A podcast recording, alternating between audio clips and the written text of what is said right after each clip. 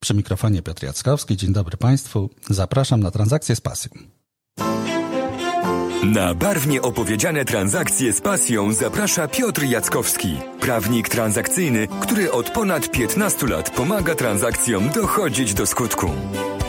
Wspólnie z gośćmi, praktykami rynkowymi przedstawią, jak transakcje wyglądają od środka. Opowiedzą o korzyściach z nich płynących, negocjowaniu umów i osiąganiu celów biznesowych. Będą rozmawiać m.in. o private equity, startupach, fuzjach, a także giełdzie, wezwaniach i wrogich przejęciach. Transakcje z pasją to także opowieść o samych ludziach tworzących te transakcje, o ich drodze, motywacji do działania i pasjach. Całość w atmosferze smart casual, opowiedziane ze swadą i okraszone anegdotami.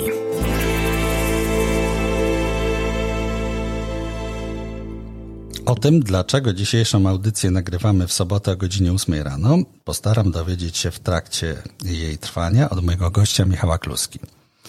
Michał jest adwokatem posiadającym 13-letnie doświadczenie zawodowe i jest kancelem w kancelarii Domański Zakrzewski Palinka oraz członkiem zespołu ochrony danych osobowych tej kancelarii. Michał jest również jednym z założycieli oraz prezesem Stowarzyszenia Praktyków Ochrony Danych, a prywatnie szalenie miłym człowiekiem, obdarzonym dużym poczuciem humoru i licznymi pasjami. Transakcyjne DNA. Cześć, dzień dobry, witaj. Cześć Piotrze. Opowiesz nam coś o sobie, o swojej drodze zawodowej, o tym DNA? Chyba już nie mam wyboru, skoro się spotkaliśmy w sobotę o 8.00.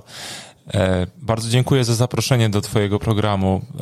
E, ten wybór chyba nie jest aż tak oczywisty, ponieważ no, ja na co dzień nie jestem prawnikiem transakcyjnym. E, niewątpliwie współpracuję przy transakcjach w bardzo różnym charakterze, natomiast no nie jest to mój główny obszar e, aktywności zawodowej. To, co obserwuję mm, i z czego się niezmiernie cieszę, to fakt, że dane osobowe zysku, zyskały niezwykle na istotności i wartości e, w kontekście przeprowadzonych transakcji i, to, że ta świadomość zaangażowania prawnika, specjalisty z zakresu danych osobowych jest niemal tak samo istotne jak inne podstawowe elementy prawa pracy, podatki, e, czy chociażby kwestie środowiskowe. Więc dziękuję, cieszę się, mam nadzieję, że to będzie ciekawa rozmowa. Spróbujmy uzasadnić jednak Twoją transakcyjną przeszłość. Moja transakcyjna przeszłość e, nie jest e, rozbudowana, ale gdy myślę o niej, to jestem, e, no może nieszczęśliwy, ale mam miłe wspomnienia. Te miłe wspomnienia dotyczą zwłaszcza jednej bardzo dużej transakcji, e, w której byłem pełnomocnikiem wspólników. Była to transakcja sprzedaży udziałów Nasza Klasa Spółka ZODO grupy ONET bardzo wiele lat temu. Ja wtedy byłem na początku w zasadzie swojej pracy zawodowej i, i trafiło mi się, można powiedzieć, uczestniczenie w takiej transakcji. Robiło to na mnie wówczas bardzo duże wrażenie, to w jaki sposób ona jest przeprowadzana, jak są przygotowywane dokumenty, ile tych dokumentów jest. Mm, tak naprawdę te podpisy pamiętam jak dziś złożyliśmy około czwartej, piątej rano e, w atmosferze naprawdę wielkiego święta, że to się udało. Wszyscy byli zadowoleni. Mam zdjęcia jeszcze z, z tamtego signingu, czy closingu, jakkolwiek to nazywacie profesjonalnie. I, i to jest miłe wspomnienie i też dało mi taką perspektywę, mm, w jaki sposób pracuje taki typowy prawnik transakcyjny. I chyba też wtedy podjąłem decyzję, że to nie jest to właśnie moja ścieżka zawodowa konkretna i to nie jest ta specjalizacja. U, uśmiecham się, bo mm, powiedziałeś, że transakcja skończyła się o czwartej nad ranem. Tak. E, w atmosferze sukcesu tak. i, i zadowolenia. Natomiast jakby to też spowodowało, że pomyślałeś, że możesz coś innego robić przychodzi mi do głowy taka opowieść e, o jednej transakcji, w której uczestniczyłem e, i po, takiej, po takim właśnie closingu pani asesor naszego zaprzyjaźnionego e, notariusza zrezygnowała z pracy. No właśnie. Także te, te wybory dobrze chyba na tym wczesnym etapie dokonywać pod tym względem. E, ale dzięki temu e, stałeś się specjalistą w dziedzinie ochrony danych osobowych. E, uchodzisz za autorytet i, i taką osobę, która mm, bardzo dużo wie na ten temat i ma bardzo duże doświadczenie. Powiedz, co pomogło ci osiągnąć ten sukces? Znaczy, jest mi niezwykle miło, że tak postrzegasz moją osobę, natomiast ja nie jestem do końca przekonany, że mogę powiedzieć, że e, odniosłem jakiś niezwykły sukces zawodowy. No, z pewnością są osoby, które w jakiś sposób chciałyby być na moim miejscu. Natomiast no, ja mam wrażenie, że w dalszym ciągu e, bardzo wiele jest jeszcze do zrobienia, do poprawy i i ta ścieżka zawodowa, ona w dalszym ciągu się dopiero rozwija. Tutaj nie ma, nie ma takiego poczucia e, osiadania na laurach i od przysłowiowego odcinania kuponów to, co myślę, że mi pomogło, mm, to jest przede wszystkim wyciąganie wniosków e, z błędów, porażek, a, a tak naprawdę życie zawodowe nie składa się wyłącznie z samych sukcesów. Więcej jest raczej tych takich szarych, przeciętnych dni, więc wyciąganie wniosków z tych zdarzeń niewątpliwie. Obserwowanie lepszych od siebie to jest taki drugi istotny, istotny punkt. E, w swoim życiu zawodowym miałem przyjemność pracować z bardzo różnymi ludźmi. E, na, na różnych szczeblach, na różnych etapach tego rozwoju. Mm, obserwowanie warsztatu ich pracy, pracy, mm, to w jaki sposób prowadzą rozmowy z klientem, w jaki sposób piszą, e, no to jest e, wspaniała lekcja i, i trzeba czerpać zdecydowanie od lepszych od siebie. Nie naśladować ich, lecz czerpać. Mm, no i myślę, że są jeszcze dwa punkty. To jest kwestia lidera, szefa, osoby, która, która mm, kieruje w jakiś sposób e, Twoim życiem zawodowym, plus zgranego zespołu. To to są dwie takie wartości, które pozwalają mm, prawnikowi się rozwijać najlepiej i, i za to jestem wdzięczny. No ostatnią kwestią która prawdopodobnie powinna być pierwsza tak naprawdę, no to są klienci, no bo bez tych klientów, bez ich zaufania i bez kierowania do nas e, tematów interesujących, wymagających i bardzo często przełomowych, no, my byśmy się również nie mieli szans w ogóle rozwinąć. Tak? Prawnik, który próbuje zrobić coś abstrakcyjnie, no nigdy nie poczuje tego, jak wygląda faktycznie, nie tyle, bo to nie musi być zawsze duży temat, ale taki, który będzie stanowił dla niego wyzwanie intelektualne. Fajnie, jeżeli od czasu do czasu mamy przyjemność pracować właśnie na takich projektach. No i myślę, że te cztery czynniki powodują, e, że możemy w jakimś zakresie mówić o odnoszeniu sukcesu, a może nawet bardziej o jakiejś satysfakcji zawodowej z tego, e, w jaki sposób się e, doradza, pomaga klientom.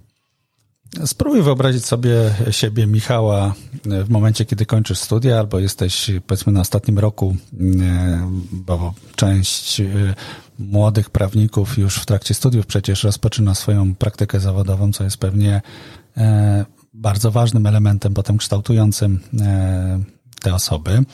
Jakie rady dałbyś sobie wtedy, mając te no, kilkanaście lat doświadczenia?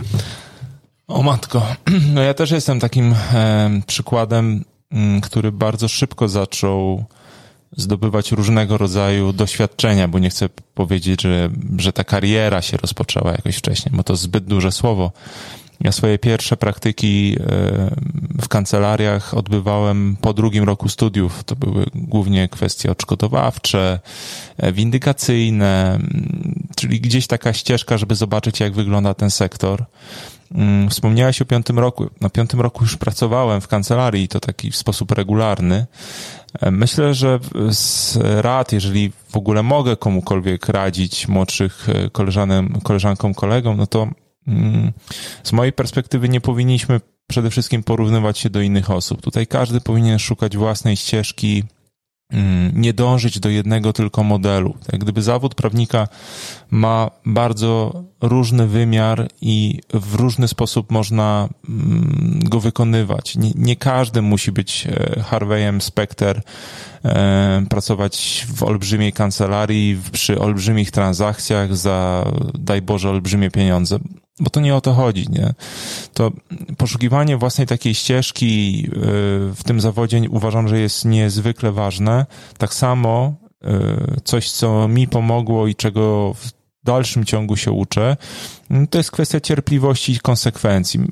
Ja pamiętam siebie w tamtych latach i Raczej na, na początku ścieżki zawodowej my chcemy bardzo szybko dojść do jakiegoś poziomu. Wydaje nam się, że wiemy wszystko, umiemy wszystko i z czasem nabywamy pewnej pokory. Więc ta cierpliwość i konsekwencja w dochodzeniu czy obieraniu ścieżki zawodowej myślę, że dla młodego prawnika jest niezwykle ważna. I ostatnia rzecz mm, to jednak mimo wszystko próbowanie różnych sektorów, rozwiązań, pomysłów. E, ja owszem, dzisiaj zajmuję się ochroną danych osobowych i, i to jest jak gdyby mój główny obszar od e, wielu lat. Natomiast e, no, i też kończyłem studia podyplomowe z zakresu podatków, żeby rozumieć świat podatków i przez kilka lat zajmowałem się zamówieniami publicznymi z jakimiś tam powiedzmy nie, mniejszymi lub większymi sukcesami. Więc y, próbowałem mm, i rozkręcać swoją kancelarię. Więc tych elementów takich, y, które doprowadziły mnie dzisiaj do DZP, do tego miejsca, w którym jestem, było po drodze bardzo wiele. I myślę, że takie szukanie też pomysłu na siebie, próbowanie i oglądanie, oglądanie tego świata z kilku stron jest niezwykle y, cenne dla młodego prawnika. Transakcyjny punkt widzenia. Ponieważ jest to jednak audycja dotycząca transakcji, to chętnie dowiem się od Ciebie, jak ochrona danych osobowych wygląda w procesach transakcyjnych z Twojej perspektywy. Michał, czy widzisz jakąś zmianę w podejściu do danych osobowych przed i po wprowadzeniu RODO? W kontekście transakcyjnym tak, oczywiście. Tak, tak, tak. No widzę olbrzymią zmianę. E, olbrzymią, olbrzymią. E, z tego względu, że faktycznie patrzę, w jaki sposób e, my, nasz zespół, zespół ochrony danych osobowych był angażowany w procesach transakcyjnych przed sławetnym 25 maja 2018 roku. I po tej dacie, czyli to jest data stosowania rozporządzenia ogólnego o ochronie danych osobowych. Zdecydowanie przed e, tą magiczną datą obszar ochrony danych osobowych przy transakcjach uważam, że nie był pierwszym lub top 3 wyborem, jeżeli chodzi o obszary, które podlegają badaniu i weryfikacji i wpływają w jakiś sposób na kształt i umów, i kwestii odpowiedzialności, SPA, repów, etc., etc. Trochę to zależało od, od branży, tak. od przedmiotu badania, bo Zgadza się. w niektórych mm, typach transakcji albo w, w zasadzie u niektórych klientów to była podstawowa jednak kwestia, którą badaliśmy. Jasne. I oczywiście, i tam to było badane, więc, e, a teraz, e, nawet jeżeli jest to, nie wiem, fabryka, zakład produkcyjny, cokolwiek, gdzie tym podstawowym czynnikiem i asetem nie są dane osobowe, ale też trudno od nich uciec, bo występują w zasadzie w każdym biznesie, e, to również jesteśmy włączani w te procesy jako, jako ochrona danych osobowych i ta różnica jest diametralna i też pokazują e, sprawy, które dzieją się wokół nas na świecie. E, mam tu na myśli sprawę Mariota i, i kary brytyjskiego organu. Mariot, który przejął sieć Starwood, po badaniu, no niewątpliwie po badaniu, mimo wszystko e, za, za jakiś czas e, wyszło, że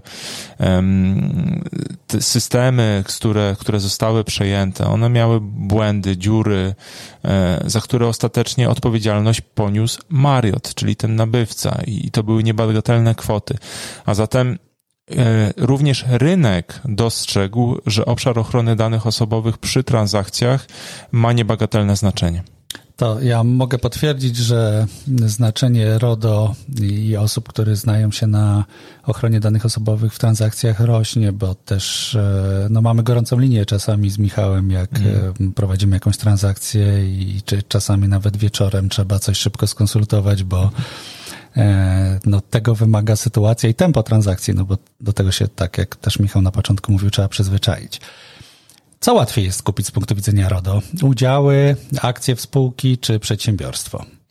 Zdecydowanie łatwiej akcje, udziały w e, spółce aniżeli przedsiębiorstwo, dlatego że w przypadku mm, tak zwanego share deala, czyli właśnie tam, gdzie mamy akcje i udziały, e, nie mamy tych wszystkich zastanawiań i rozważań i jakichś pytań dotyczących tego, czy jakaś zgoda przeszła, nie przeszła, jak wygląda kwestia odpowiedzialności, etc. No bo podmiot zostaje ten sam, zmieniają się co najwyżej akcjonariusze czy udziałowcy. A zatem z mojej perspektywy ten administrator, ten właściciel tych danych, ten core pozostał ten sam, tylko ktoś inny nim zarządza. Więc z tej perspektywy jest to dużo łatwiejsze um, dla mnie, jako prawnika z zakresu ochrony danych osobowych. W przypadku natomiast przedsiębiorstwa um, zawsze powstają pytania i zawsze mamy te pytania, co z bazą, co z bazą mailingową, co z bazą pracowników, e, które przechodzą na jakiej zasadzie, czy jest kontynuacja, czy nie ma kontynuacji, czy trzeba spełniać ponownie obowiązek informacyjny. Jak gdyby to jest e, faktycznie dalece trudniejsze. Ostatnio też natrafiłem, znaczy natrafiłem, pomagałem przy transakcji, która była absolutnie niestandardowa, bo to nabycie było od syndyka i, i również aspekt danych osobowych wchodził w grę i trzeba było się zastanowić tak naprawdę, jakie obowiązki z rozporządzenia przy tego typu transakcji dosyć specyficznej e, mają zastosowanie. Więc tu jest bardzo duży, wydaje mi się, koloryt mm, i jeszcze chwilę potrwa, zanim e, się ustandaryzuje podejście w zakresie danych osobowych do danego typu transakcji. Myślę, że jesteśmy na etapie dopiero wykuwania się pewnej praktyki, w jaki sposób podchodzić do um, transakcji versus jej typ versus dane osobowe. To, o czym do tej pory rozmawialiśmy, to była sytuacja, kiedy My, jako doradcy, reprezentowaliśmy, czy pomagaliśmy, czy doradzaliśmy stronie kupującej. Czasami również występujemy jako doradca sprzedającego, jak to się ładnie mówi, jesteśmy po, po sell-side. Wtedy też dochodzą pewne obowiązki związane z ochroną danych osobowych, chociażby zapewniając e, data room. W tej tak. chwili te data roomy w zasadzie standardem jest, że są w przestrzeni wirtualnej, czyli w większości wypadków korzysta się z usług profesjonalnych dostawców, znowu ładne słowo, prowajderów e, tych mm wirtualnych data roomów. I żeby umieścić dokumenty klienta z pełnym odpowiedzialnością w chmurze i dać dostęp e, badającym czy doradcom drugiej strony, no to trzeba podpisać umowę e, z tym dostawcą. Tak. Powiedz, co tam, co tam mogą być za miny, albo na co należy zwrócić uwagę przy tego typu mhm. umowach.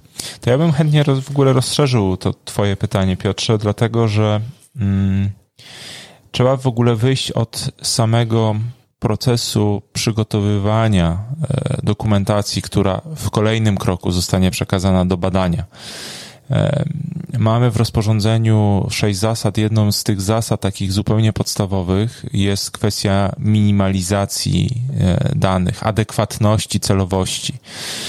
No, zawsze sobie możemy zadać pytanie, czy badamy umowę o pracę w odniesieniu do konkretnego Kowalskiego, czy badamy pewien standard e, postanowień, które przedsiębiorca stosował. No najczęściej badamy pewien standard. Nie interesuje nas czy jest to umowa tej czy innej osoby. A zatem umieszczając takie dokumenty mm, w VDR-ze, przygotowując te dokumenty, już na tym etapie powinniśmy zadbać o to, aby nie znajdowały się w nim informacje, które nie są istotne z perspektywy samego badania, a następnie transakcji. No dobrze, ale czasami właśnie zależy nam na zbadaniu umowy o pracę konkretnej osoby, mm, czy grupy osób, które są e, albo członkami zarządów, albo tymi kluczowymi pracownikami, na których pozostaniu nam zależy, w szczególności w zakresie zakazu konkurencji albo e, długości tak. obowiązywania umów. No, różne parametry są, które są istotne z punktu widzenia przygotowania transakcji. Mieliśmy ostatnio taką sytuację, gdzie zależało e, naszemu klientowi na weryfikacji konkretnych umów z konkretnymi osobami ze względu na strategiczny charakter tych osób i funkcję, którą wykonywały w spółce. E, druga strona transakcji zasłaniała się przepisami rozporządzenia. To jest takie słynne niebo RODO. Nie mogę ci tego dać, bo rozporządzenie mi na to nie pozwala. No to jest też nieprawda, mm, ponieważ e, jak gdyby kontynuując wywód o samym rozporządzeniu, są w nim przepisy, które w uzasadnionych przypadkach, a niewątpliwie to był uzasadniony przypadek. On był uzasadniony interesem kupującego, które pozwalają w tym przypadku sprzedającemu na przekazanie e, tych umów włącznie z e, danymi osobowymi e, stron tych umów. A zatem ja mówię o pewnej zasadzie. Zasadą jest ta adekwatność, minimalizacja, od której mogą być wyłomy w uzasadnionych przypadkach i oczywiście to się odpowiednio też dokumentuje e, i też na przykład zrobiono w tej transakcji tak, że pokazano już te konkretne dokumenty już temu jednemu wybranemu e, potencjalnemu kupującemu na etapie chwilę przed e, zawarciem umowy, czyli nie wszyscy na tym pierwszym etapie mieli dostęp od razu do pełnej dokumentacji. No tak, to jest jeden z, z pomysłów, jak sobie z tym poradzić, czyli robimy taką część, nie wiem, red, e, tak. czy, czy, w jakiś sposób in, inny oznaczony i do, dostęp do niej mają te osoby, które już złożyły oferty wiążące albo są bliscy podpisania, albo mają okres mm, w którym mogą tylko oni negocjować dokumenty, albo wręcz e, jest to element tak zwanego confirmatory due diligence, czyli takiego procesu, w którym się potwierdza e, te znaleziska już e, w zasadzie na tym ostatnim etapie.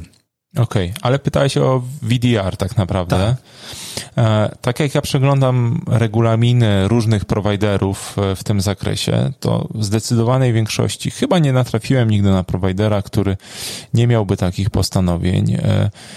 To jest standardowa sytuacja taka jak w, w innych obszarach. Jeżeli ja jako administrator dzielę się danymi osobowymi lub przewiduję, że podzielę się danymi osobowymi z innym zewnętrznym podmiotem, w tym przypadku takim prowajderem, to zawieram z nim umowę powierzenia danych do przetwarzania, tak zwany DPA, Data Protection Agreement.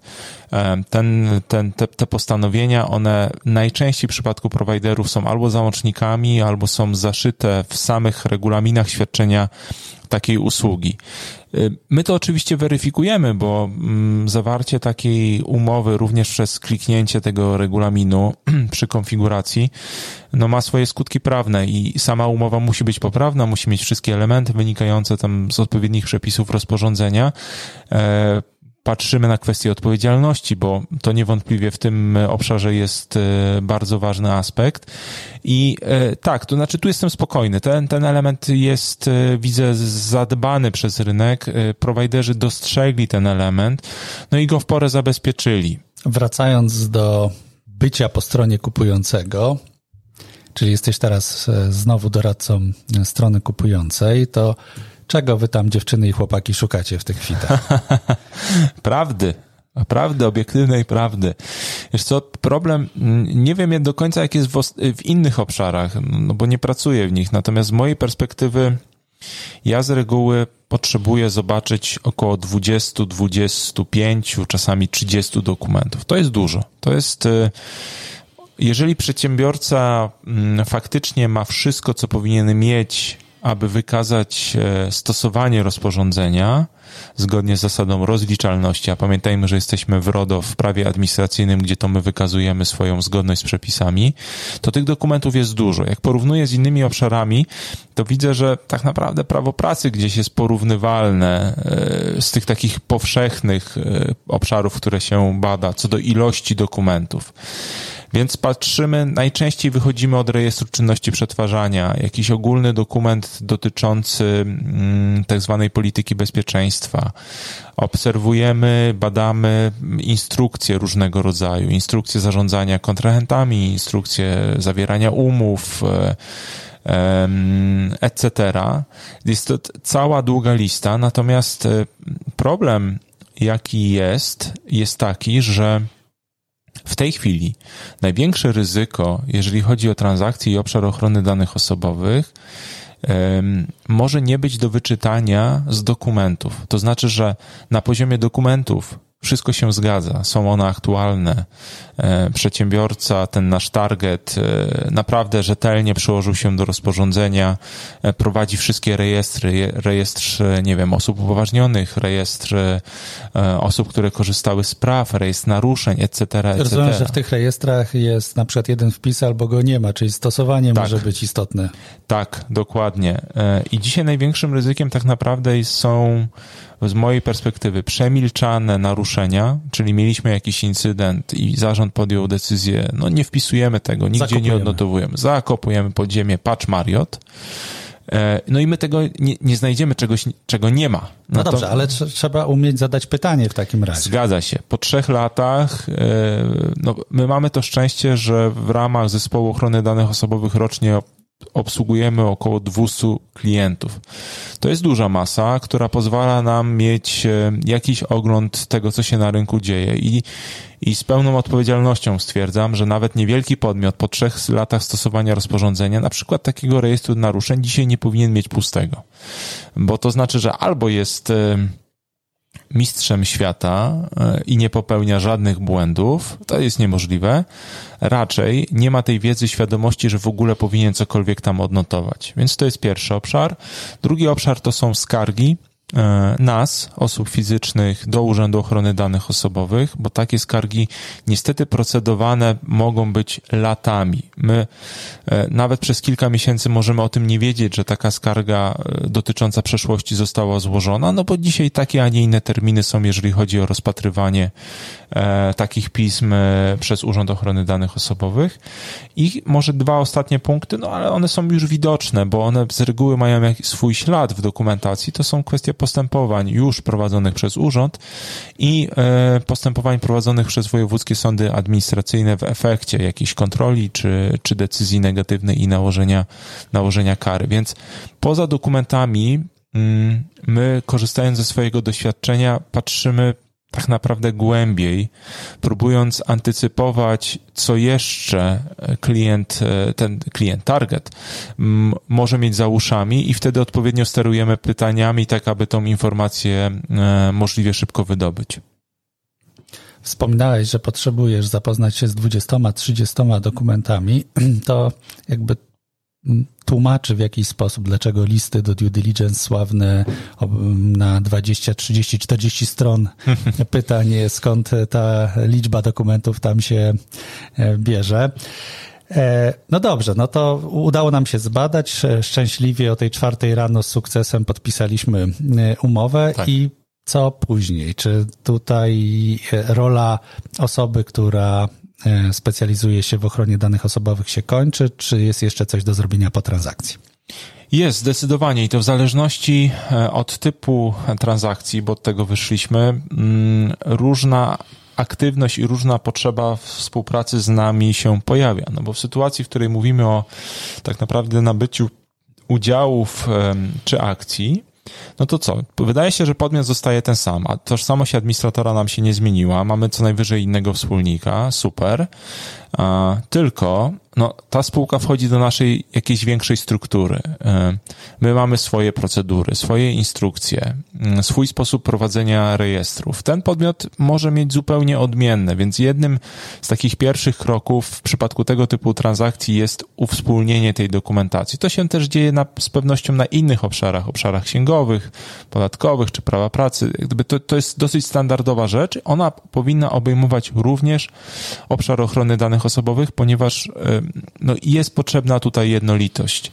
Co do podejścia, co do e, interpretacji, bez tej jednolitości będzie nam bardzo trudno zarządzać obszarem tak zwanego RODO. To jest pierwsza rzecz. Jeżeli mm, transakcja dotyczyła nabycia przedsiębiorstwa, czyli to z mojej perspektywy trudniejszy e, sposób, to Również na tym etapie, owszem, nie ma już żadnych obowiązków aktualizacyjnych, jeżeli chodzi o Urząd Ochrony Danych Osobowych, bo w przeszłości takie obowiązki były, one dotyczyły zgłaszania e, zbiorów danych. Dzisiaj e, od trzech lat już tego nie ma, ale niewątpliwie pozostaje kwestia co najmniej aktualizacji obowiązku informacyjnego, czyli przygotowania nowej treści, zmienionej treści, dotarcia, zaplanowania całej wysyłki, dotarcia z tą komunikacją do e, podmiotów danych, czyli do osób, których dane są przetwarzane. I jest to chociażby działanie, które ma swój termin. E, przepisy wymagają od nas podjęcia takiej, takiej aktywności niezwłocznie, nie później niż w terminie 30 dni. A zatem to jest coś, co w kalendarzu i w takim planie po mm, samej transakcji powinno być uwzględnione. Porozmawiajmy o pasjach. Michał, myślę, że to jest dobry moment, żeby spróbować odpowiedzieć na pytanie, dlaczego spotkaliśmy się w sobotę o 8 rano. No, e, po, po pierwsze, ktoś może odnieść wrażenie, że nie do końca jesteśmy normalni. E, no i chyba też coś w tym będzie. E, chyba lubimy swoją pracę, skoro jesteśmy w stanie z soboty o 8 rano na ten temat rozmawiać i życie zawodowe. Ale prawda jest inna.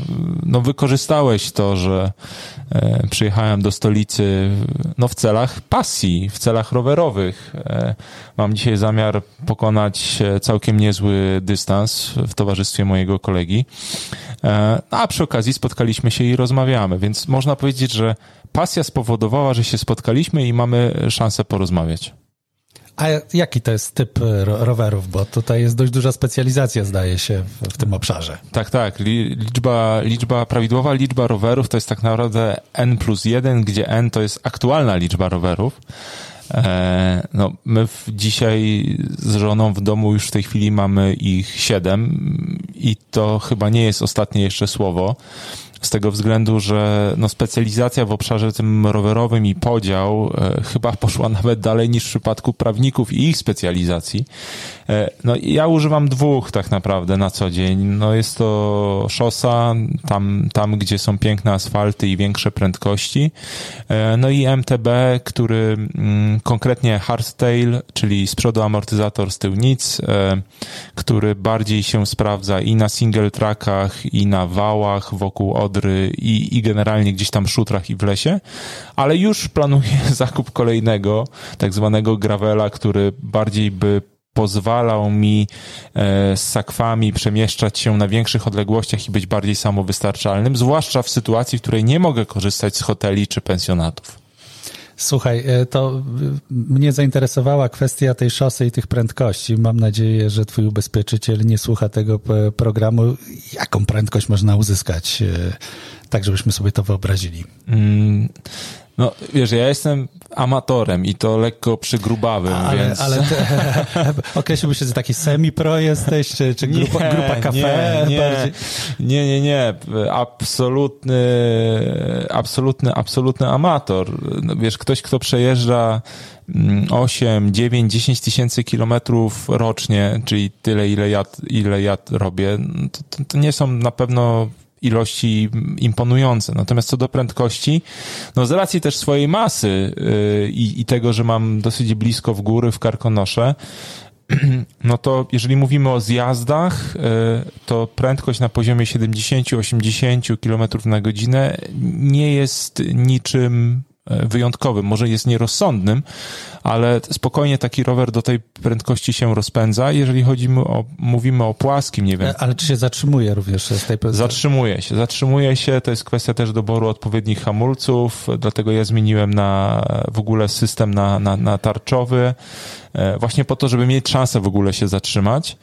E, jeżeli chodzi o prędkości na szosie, jeżeli na, na płaskim, w jeździe takiej indywidualnej, czyli nie w grupie. W grupie działają prawa fizyki, jesteśmy w stanie rozbujać się do zupełnie innych wartości, no to takim normalnym treningiem 35, 36, 7, to, to jest normalna rzecz, którą jesteś w stanie godzinę, dwie utrzymywać bez większego wysiłku. No dobrze, to jeszcze pytanie, bo to liczby zawsze mm, robią wrażenie. Jaka była twoja najdłuższa trasa?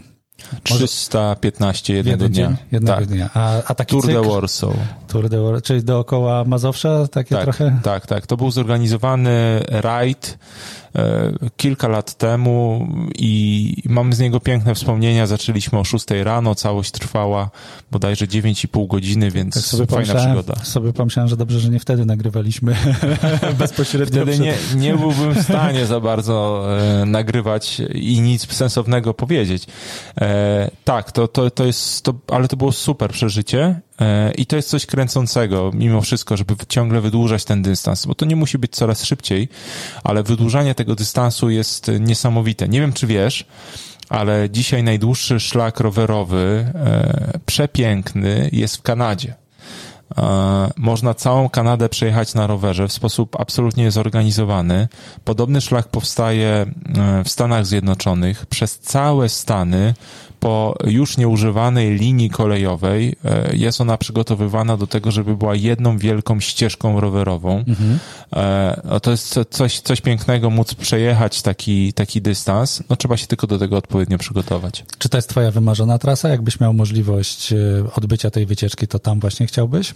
Wiesz co, ja mam ten problem, że mam tych tras wymarzonych chyba więcej niż życia mi zostało. To jest, to jest jak gdyby pierwszy problem. Drugi jest taki, że mam czasami takie opory przed wyjazdami zagranicznymi w tym sensie, że to coś, co jest blisko y, i jeszcze nie zostało zdobyte i osiągnięte. No, z dużym jak gdyby żalem i smutkiem stwierdzam, że na przykład nie objechałem jeszcze w ogóle Tatr. Tatry zamierzam objechać 26 czerwca w tym roku w ramach takiego rajdu e, właśnie wokół Tatr. Nie wyścigu, rajdu.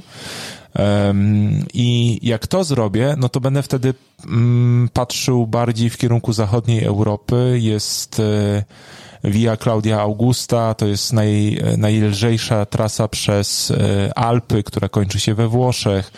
Mamy piękne podjazdy we Włoszech, Stelvio chociażby. To są wszystko klasyki.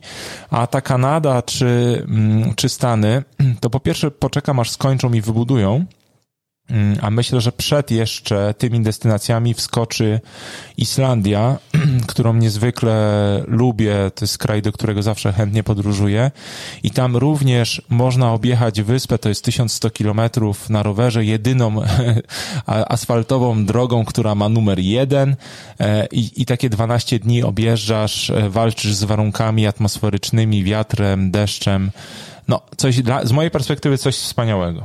To z takich znanych mnie tras rowerowych jest trasa wokół Bornholmu. e, Do, Jest, do którego jest też. Tak, można promem się dostać. Być No, może jak widzisz, jest- w czasach pandemii jest to utrudnione, ale tak. Tych, dlatego powiedziałem, tych takich tras, które z pewnością warto zobaczyć, przeżyć, przejechać jest no, możliwie więcej aniżeli czasu, którym, którym dysponujemy. Ale słyszałem, że wybierasz się do Szwecji.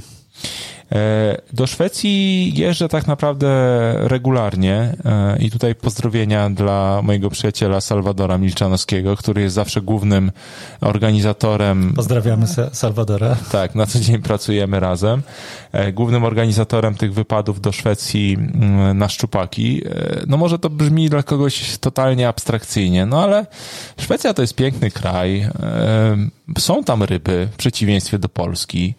E, E, faktycznie bardzo w miłych warunkach spędzić tydzień na wodzie. Oczywiście formule catch and release, czyli te ryby trafiają później z powrotem sobie do wody, rosną dalej i cieszą innych e, wędkarzy. Więc e, tak, to, to jest jak gdyby pewna już tradycja, która no, co roku jest kultywowana. Czasami Szwecję zamieniamy na Rugię, bo Niemcy też tutaj, e, jak to Niemcy, mają porządek. pola nie oddają. Pola nie oddają, mają duże ryby, może ich mają mniej, ale na pewno są one większe. tak, tak, tak, tak, tak. Więc to są fajne destynacje. To są fajne destynacje i em, fajny sposób spędzania wolnego czasu, ale też no nie powiem, zdarzało mi się wielokrotnie siedzieć na tej łódce e, w słuchawkach e, e, z odpalonym Teamsem. Tak było między innymi w zeszłym roku. No ale no, staram się nie spędzać wolnego czasu w taki sposób. Lubisz przyrodę, lubisz z nią obcować, opowiadałeś o Tatrach, opowiadałeś o na, nasiadówkach związanych z rybami. Wiem, że spędzałeś też czas w górach i to w górach wysokich. No to za sprawą mojej małżonki kochanej, z tego względu, że no to ona gdzieś tam zaszczepiła i wniosła do naszego życia e, to, e, że zaczęliśmy jeździć w góry. No, prawda jest taka, że ja wcześniej w górach bywałem, ale nie dostrzegałem jak gdyby sensu, czy nawet może piękna niektórych tych sytuacji, ale też nie zdawałem sobie sprawy z niebezpieczeństwa, e, które czyha w górach, nawet takich jak Tatry. E, tak, taka najfajniejsza podróż e, górska to jest trekking, który mm, zrobiliśmy wspólnie wokół Anapurny. Najwyższy punkt ponad 5000 metrów, kwestia aklimatyzacji, wyjścia bardzo wczesnego. E, no, to było niesamowite. To jest ponad 100 kilometrów pieszo w niecałe 3 tygodnie. E, mnóstwo wspaniałych ludzi, których Obóz poznaliśmy. czwarty założyliście? Na szczęście obozów nie trzeba zakładać, bo po drodze te miejsca i noclegowe i takie, w których można się schronić, one na tym szlaku występują. On jest dosyć dobrze przygotowany. Natomiast no, wspaniała przygoda. Jeżeli ktoś tylko mm, chciałby spróbować, to gorąco zachęcam. Nie trzeba być wprawionym alpinistą. W zasadzie wystarczy plecak, sprawne nogi, e, trochę ciepłego ubrania, śpiwór, żeby móc spokojnie taką podróż e, odbyć. A nie sposób nie zauważyć po prostu tego świata, tego piękna, które w tych górach można, można doświadczyć. No to jest coś niesamowitego. Czy chciałbyś również e, zaprosić kogoś do wyprawy żeglarskiej? Na, jeżeli chodzi o wyprawy, wyprawy żeglarskie, to tylko w twoim towarzystwie tak naprawdę, bo to jest, e, widzisz, to jest e, znów taki obszar, który, e, do którego ktoś to mnie zaprosił. Tak? Ja przed dołączeniem do DZP... DZP Sport Team. Dokładnie. Nigdy, nigdy nie miałem nic wspólnego z żeglarstwem. Tak? Jak gdyby kajak to był maksimum moich możliwości, czy tam rowerek wodny. E, a tutaj no, kilka wspólnych e, wyjazdów mamy już za sobą. Nie, czuję się żeglarzem, żeby było jasne, natomiast... Nawet regatowych. E, Nawet regatowych, Dodajmy, tak. że byłeś ważnym członkiem załogi odpowiedzialnym za trym foka w tamtym Cieszę się, że ty powiedziałeś to, bo ja bym prawie, pewnie teraz przekręcił i sobie już nie przypomniał, jak, jak się nazywała ta część, którą, za którą byłem odpowiedzialny. Ale ja bardziej patrzę na to e, z perspektywy właśnie relaksu e, i, i, i spędzanie. Zobacz, jak dużo wspólnego moim zdaniem mają te regaty czy żeglarstwo z kolarstwem. Jak gdyby dają pewną swobodę dają możliwość przemieszczania się z miejsca do miejsca, e, dają ci poczucie tego, że to jednak ty panujesz nad tym, co się dzieje, tak? I zarówno nad tą łodzią i nad tym rowerem. Ja myślę, że tutaj wbrew pozorom, no dobrze, tu, tu po wodzie, tu po asfalcie, ale różnic, e, raczej podobieństw jest zdecydowanie więcej. Ale to trochę bardziej indywidualne chyba jest mimo wszystko kolarstwo. Tutaj masz jednak tą załogę, jest ten element e, również relacyjny, w szczególności jeżeli jesteś no, na dość małej powierzchni zamknięty przez tydzień, albo jak są długie przeloty, albo takie długie wyprawy transatlantyckie, to, to, są, to są tygodnie. I dochodzi do tego jeszcze taki element no, rutyny, zmęczenia, poza tym pięknym obszarem. W kolarstwie też jest tak, że w ramach zespołu no, ta współpraca pewnie jest potrzebna, natomiast chyba mimo wszystko w trakcie wykonywania czynności jesteś sam ze sobą i z, z wiatrem. To zależy, jak na to popatrzymy, bo to zależy, nie? To takie typowe prawnicze. Mm, tak. E, jak idę. Ja już tak... nie zwracam uwagi na to. jak idę na tak zwany rower i faktycznie idę solo, e, gdzieś tam pojechać e, typu Sobótka, tam padła i tak dalej, no to faktycznie jestem ja, moje myśli i ten wiatr, który jest zawsze, ale to zawsze wieje w twarz. Mm, w profesjonalnych grupach kolarskich, no jednak jest kilka osób, każdy ma jakieś zadanie. Ktoś e, jest odpowiedzialny za dowożenie bidonów jedzenia, ktoś inny jest odpowiedzialny za doprowadzenie tego lidera na ostatniej prostej, tak aby on mógł e, finiszować. Jak gdyby tutaj współpraca wbrew pozorom w, w tym zespole jest e, absolutnie potrzebna i istotna i bardzo często decyduje o zwycięstwie jednej konkretnej osoby. Zobacz, jakie to też musi być od strony psychologicznej trudne dla członków takiego zespołu, jeżeli ktoś ma ambicje wygrywać, a jest tylko i aż pomocnikiem, tym, który pozwala innej osobie z drużyny e, stanąć na najwyższym podium. No, niesamowite. Przekłada się to jakoś na kwestie zawodowe? Takie podejście? Wiesz co? Hmm, ha, to jest dobre pytanie. I teraz zupełnie na gorąco i szybko. Myślę, że się przekłada w tym znaczeniu, że dobra konstrukcja zespołu na pewno nie składa się wyłącznie z jednego typu osobowości, czy e, no, z, wyłącznie z liderów, tak. E, gdyby kiedyś były takie próby, ja pamiętam jak e, Real Madryt był drużyną złożoną wyłącznie z gwiazd i ta drużyna nie grała. To nie chodzi o moje sympatie czy antypatie, bo piłka jest mi zupełnie obojętna, piłka nożna.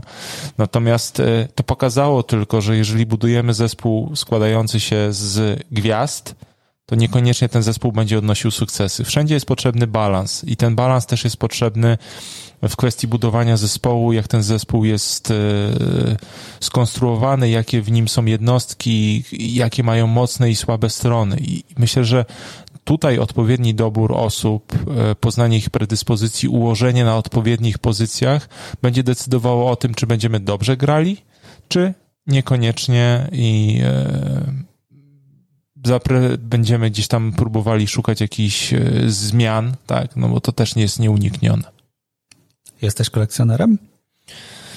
Staram się. To Ale takim chom chomikiem bardziej, czy...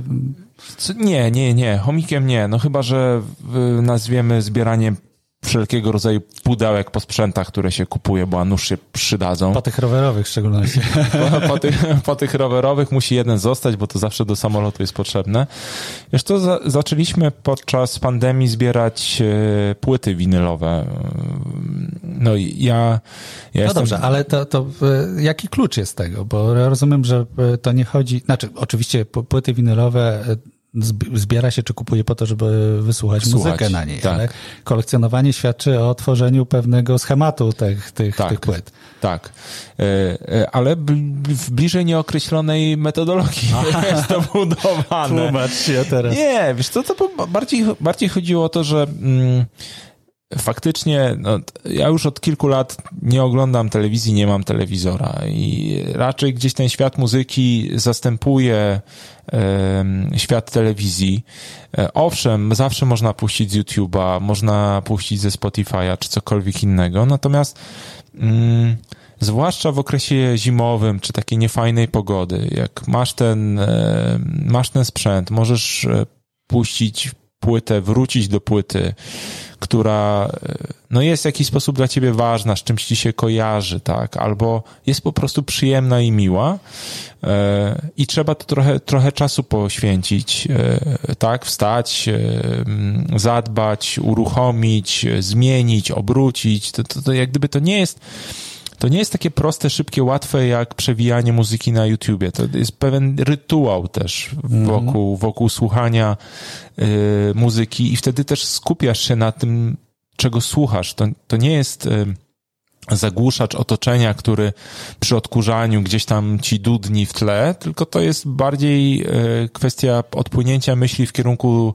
tej muzyki, a, a najczęściej puszczamy dzisiaj soundtracki, czy to jest Hans Zimmer, genialny wręcz, czy to są soundtracki z poszczególnych filmów typu La La Land, etc., to tutaj naprawdę nie mam jednego klucza. Bardzo często to jest taki impuls, że a kurczę, brakuje mi, nie wiem, płyty YouTube, chciałbym mieć w sumie, bo to jest, są już powoli takie naprawdę klasyki, w związku z czym dawaj, kupujemy akurat YouTube.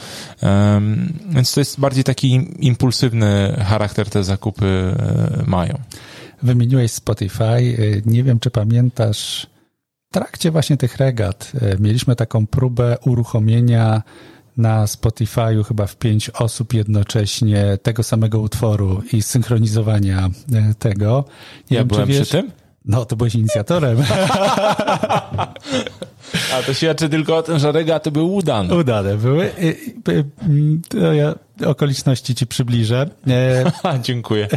Natomiast szczęśliwie Spotify również padł na ten pomysł i teraz już to, to, to można zrobić jako, jako funkcję w tym programie. Okej. Okay. No, proszę, jak to się wszystko pięknie rozwija. No najczęściej potrzeby użytkowników determinują rozwój tych aplikacji, więc pewnie i tak w tym przypadku było. Autorski słownik transakcyjny. Poprosiłem Michała o przygotowanie hasła do naszego autorskiego słownika transakcyjnego. Chciałbyś e, podzielić się z nami? Oczywiście. Jak gdyby to jest bardzo ważny obszar naszej rozmowy. Tym hasłem będzie joda. Joda, e, czyli e, sformułowanie, które bardzo często pada na określenie IOD, czyli inspektora ochrony danych. Joda jest tak naprawdę mistrzem, mędrcem, osobą, która e, wyznacza kierunki, która doradza i która jest wyrocznią w zakresie danych osobowych u danego przedsiębiorcy. Niezwykle ważna osoba z mojej perspektywy najczęstszy mój kontakt i osoba, z którą e, mam dużo kontaktu i współpracuję na co dzień. A zatem mistrz Joda wędruje do autorskiego słownika e, transakcyjnego. Powiedz, czy, czy Joda jest e, objęty również zasadą dwóch, to znaczy ma swojego ucznia, zawsze dwóch ich jest, nie mniej, ni więcej. Każdy Joda marzy o tym, żeby nie być sam to, to jest prawda. E, nie, nie są, są osoby, które faktycznie zatrzymały się na zespołach dwuosobowych i mają dwóch e, pomocników, ale są też jodowie, mistrzowie, którzy zdecydowanie większym zasobem ludzkim dysponują. Nominacje. Jednym z przywilejów, ale także wyzwaniem dla gości programu Transakcje z Pasją jest możliwość nominacji kolejnego gościa do jednego z nas następnych odcinków. Michale, czy masz pomysł, kto mógłby przyjąć zaproszenie do programu? E, mam bardzo długą listę, ale myślę, że osobą, która jest kompletnie z innego świata i wprowadzi e, ciekawe elementy do Twojego programu, e, jest Piotr Konieczny. Z Piotrem e, znamy się bardzo dobrze. Dużo i często mamy kontaktu na tle ochrony danych osobowych czy szerzej bezpieczeństwa. Myślę, że aspekt bezpieczeństwa w obszarze przeprowadzania, przygotowywania transakcji będzie ciekawy, inny, a z pewnością ważny. Dlatego Piotr, myślę, że to będzie bardzo ciekawa rozmowa, jak Piotr z Piotrem.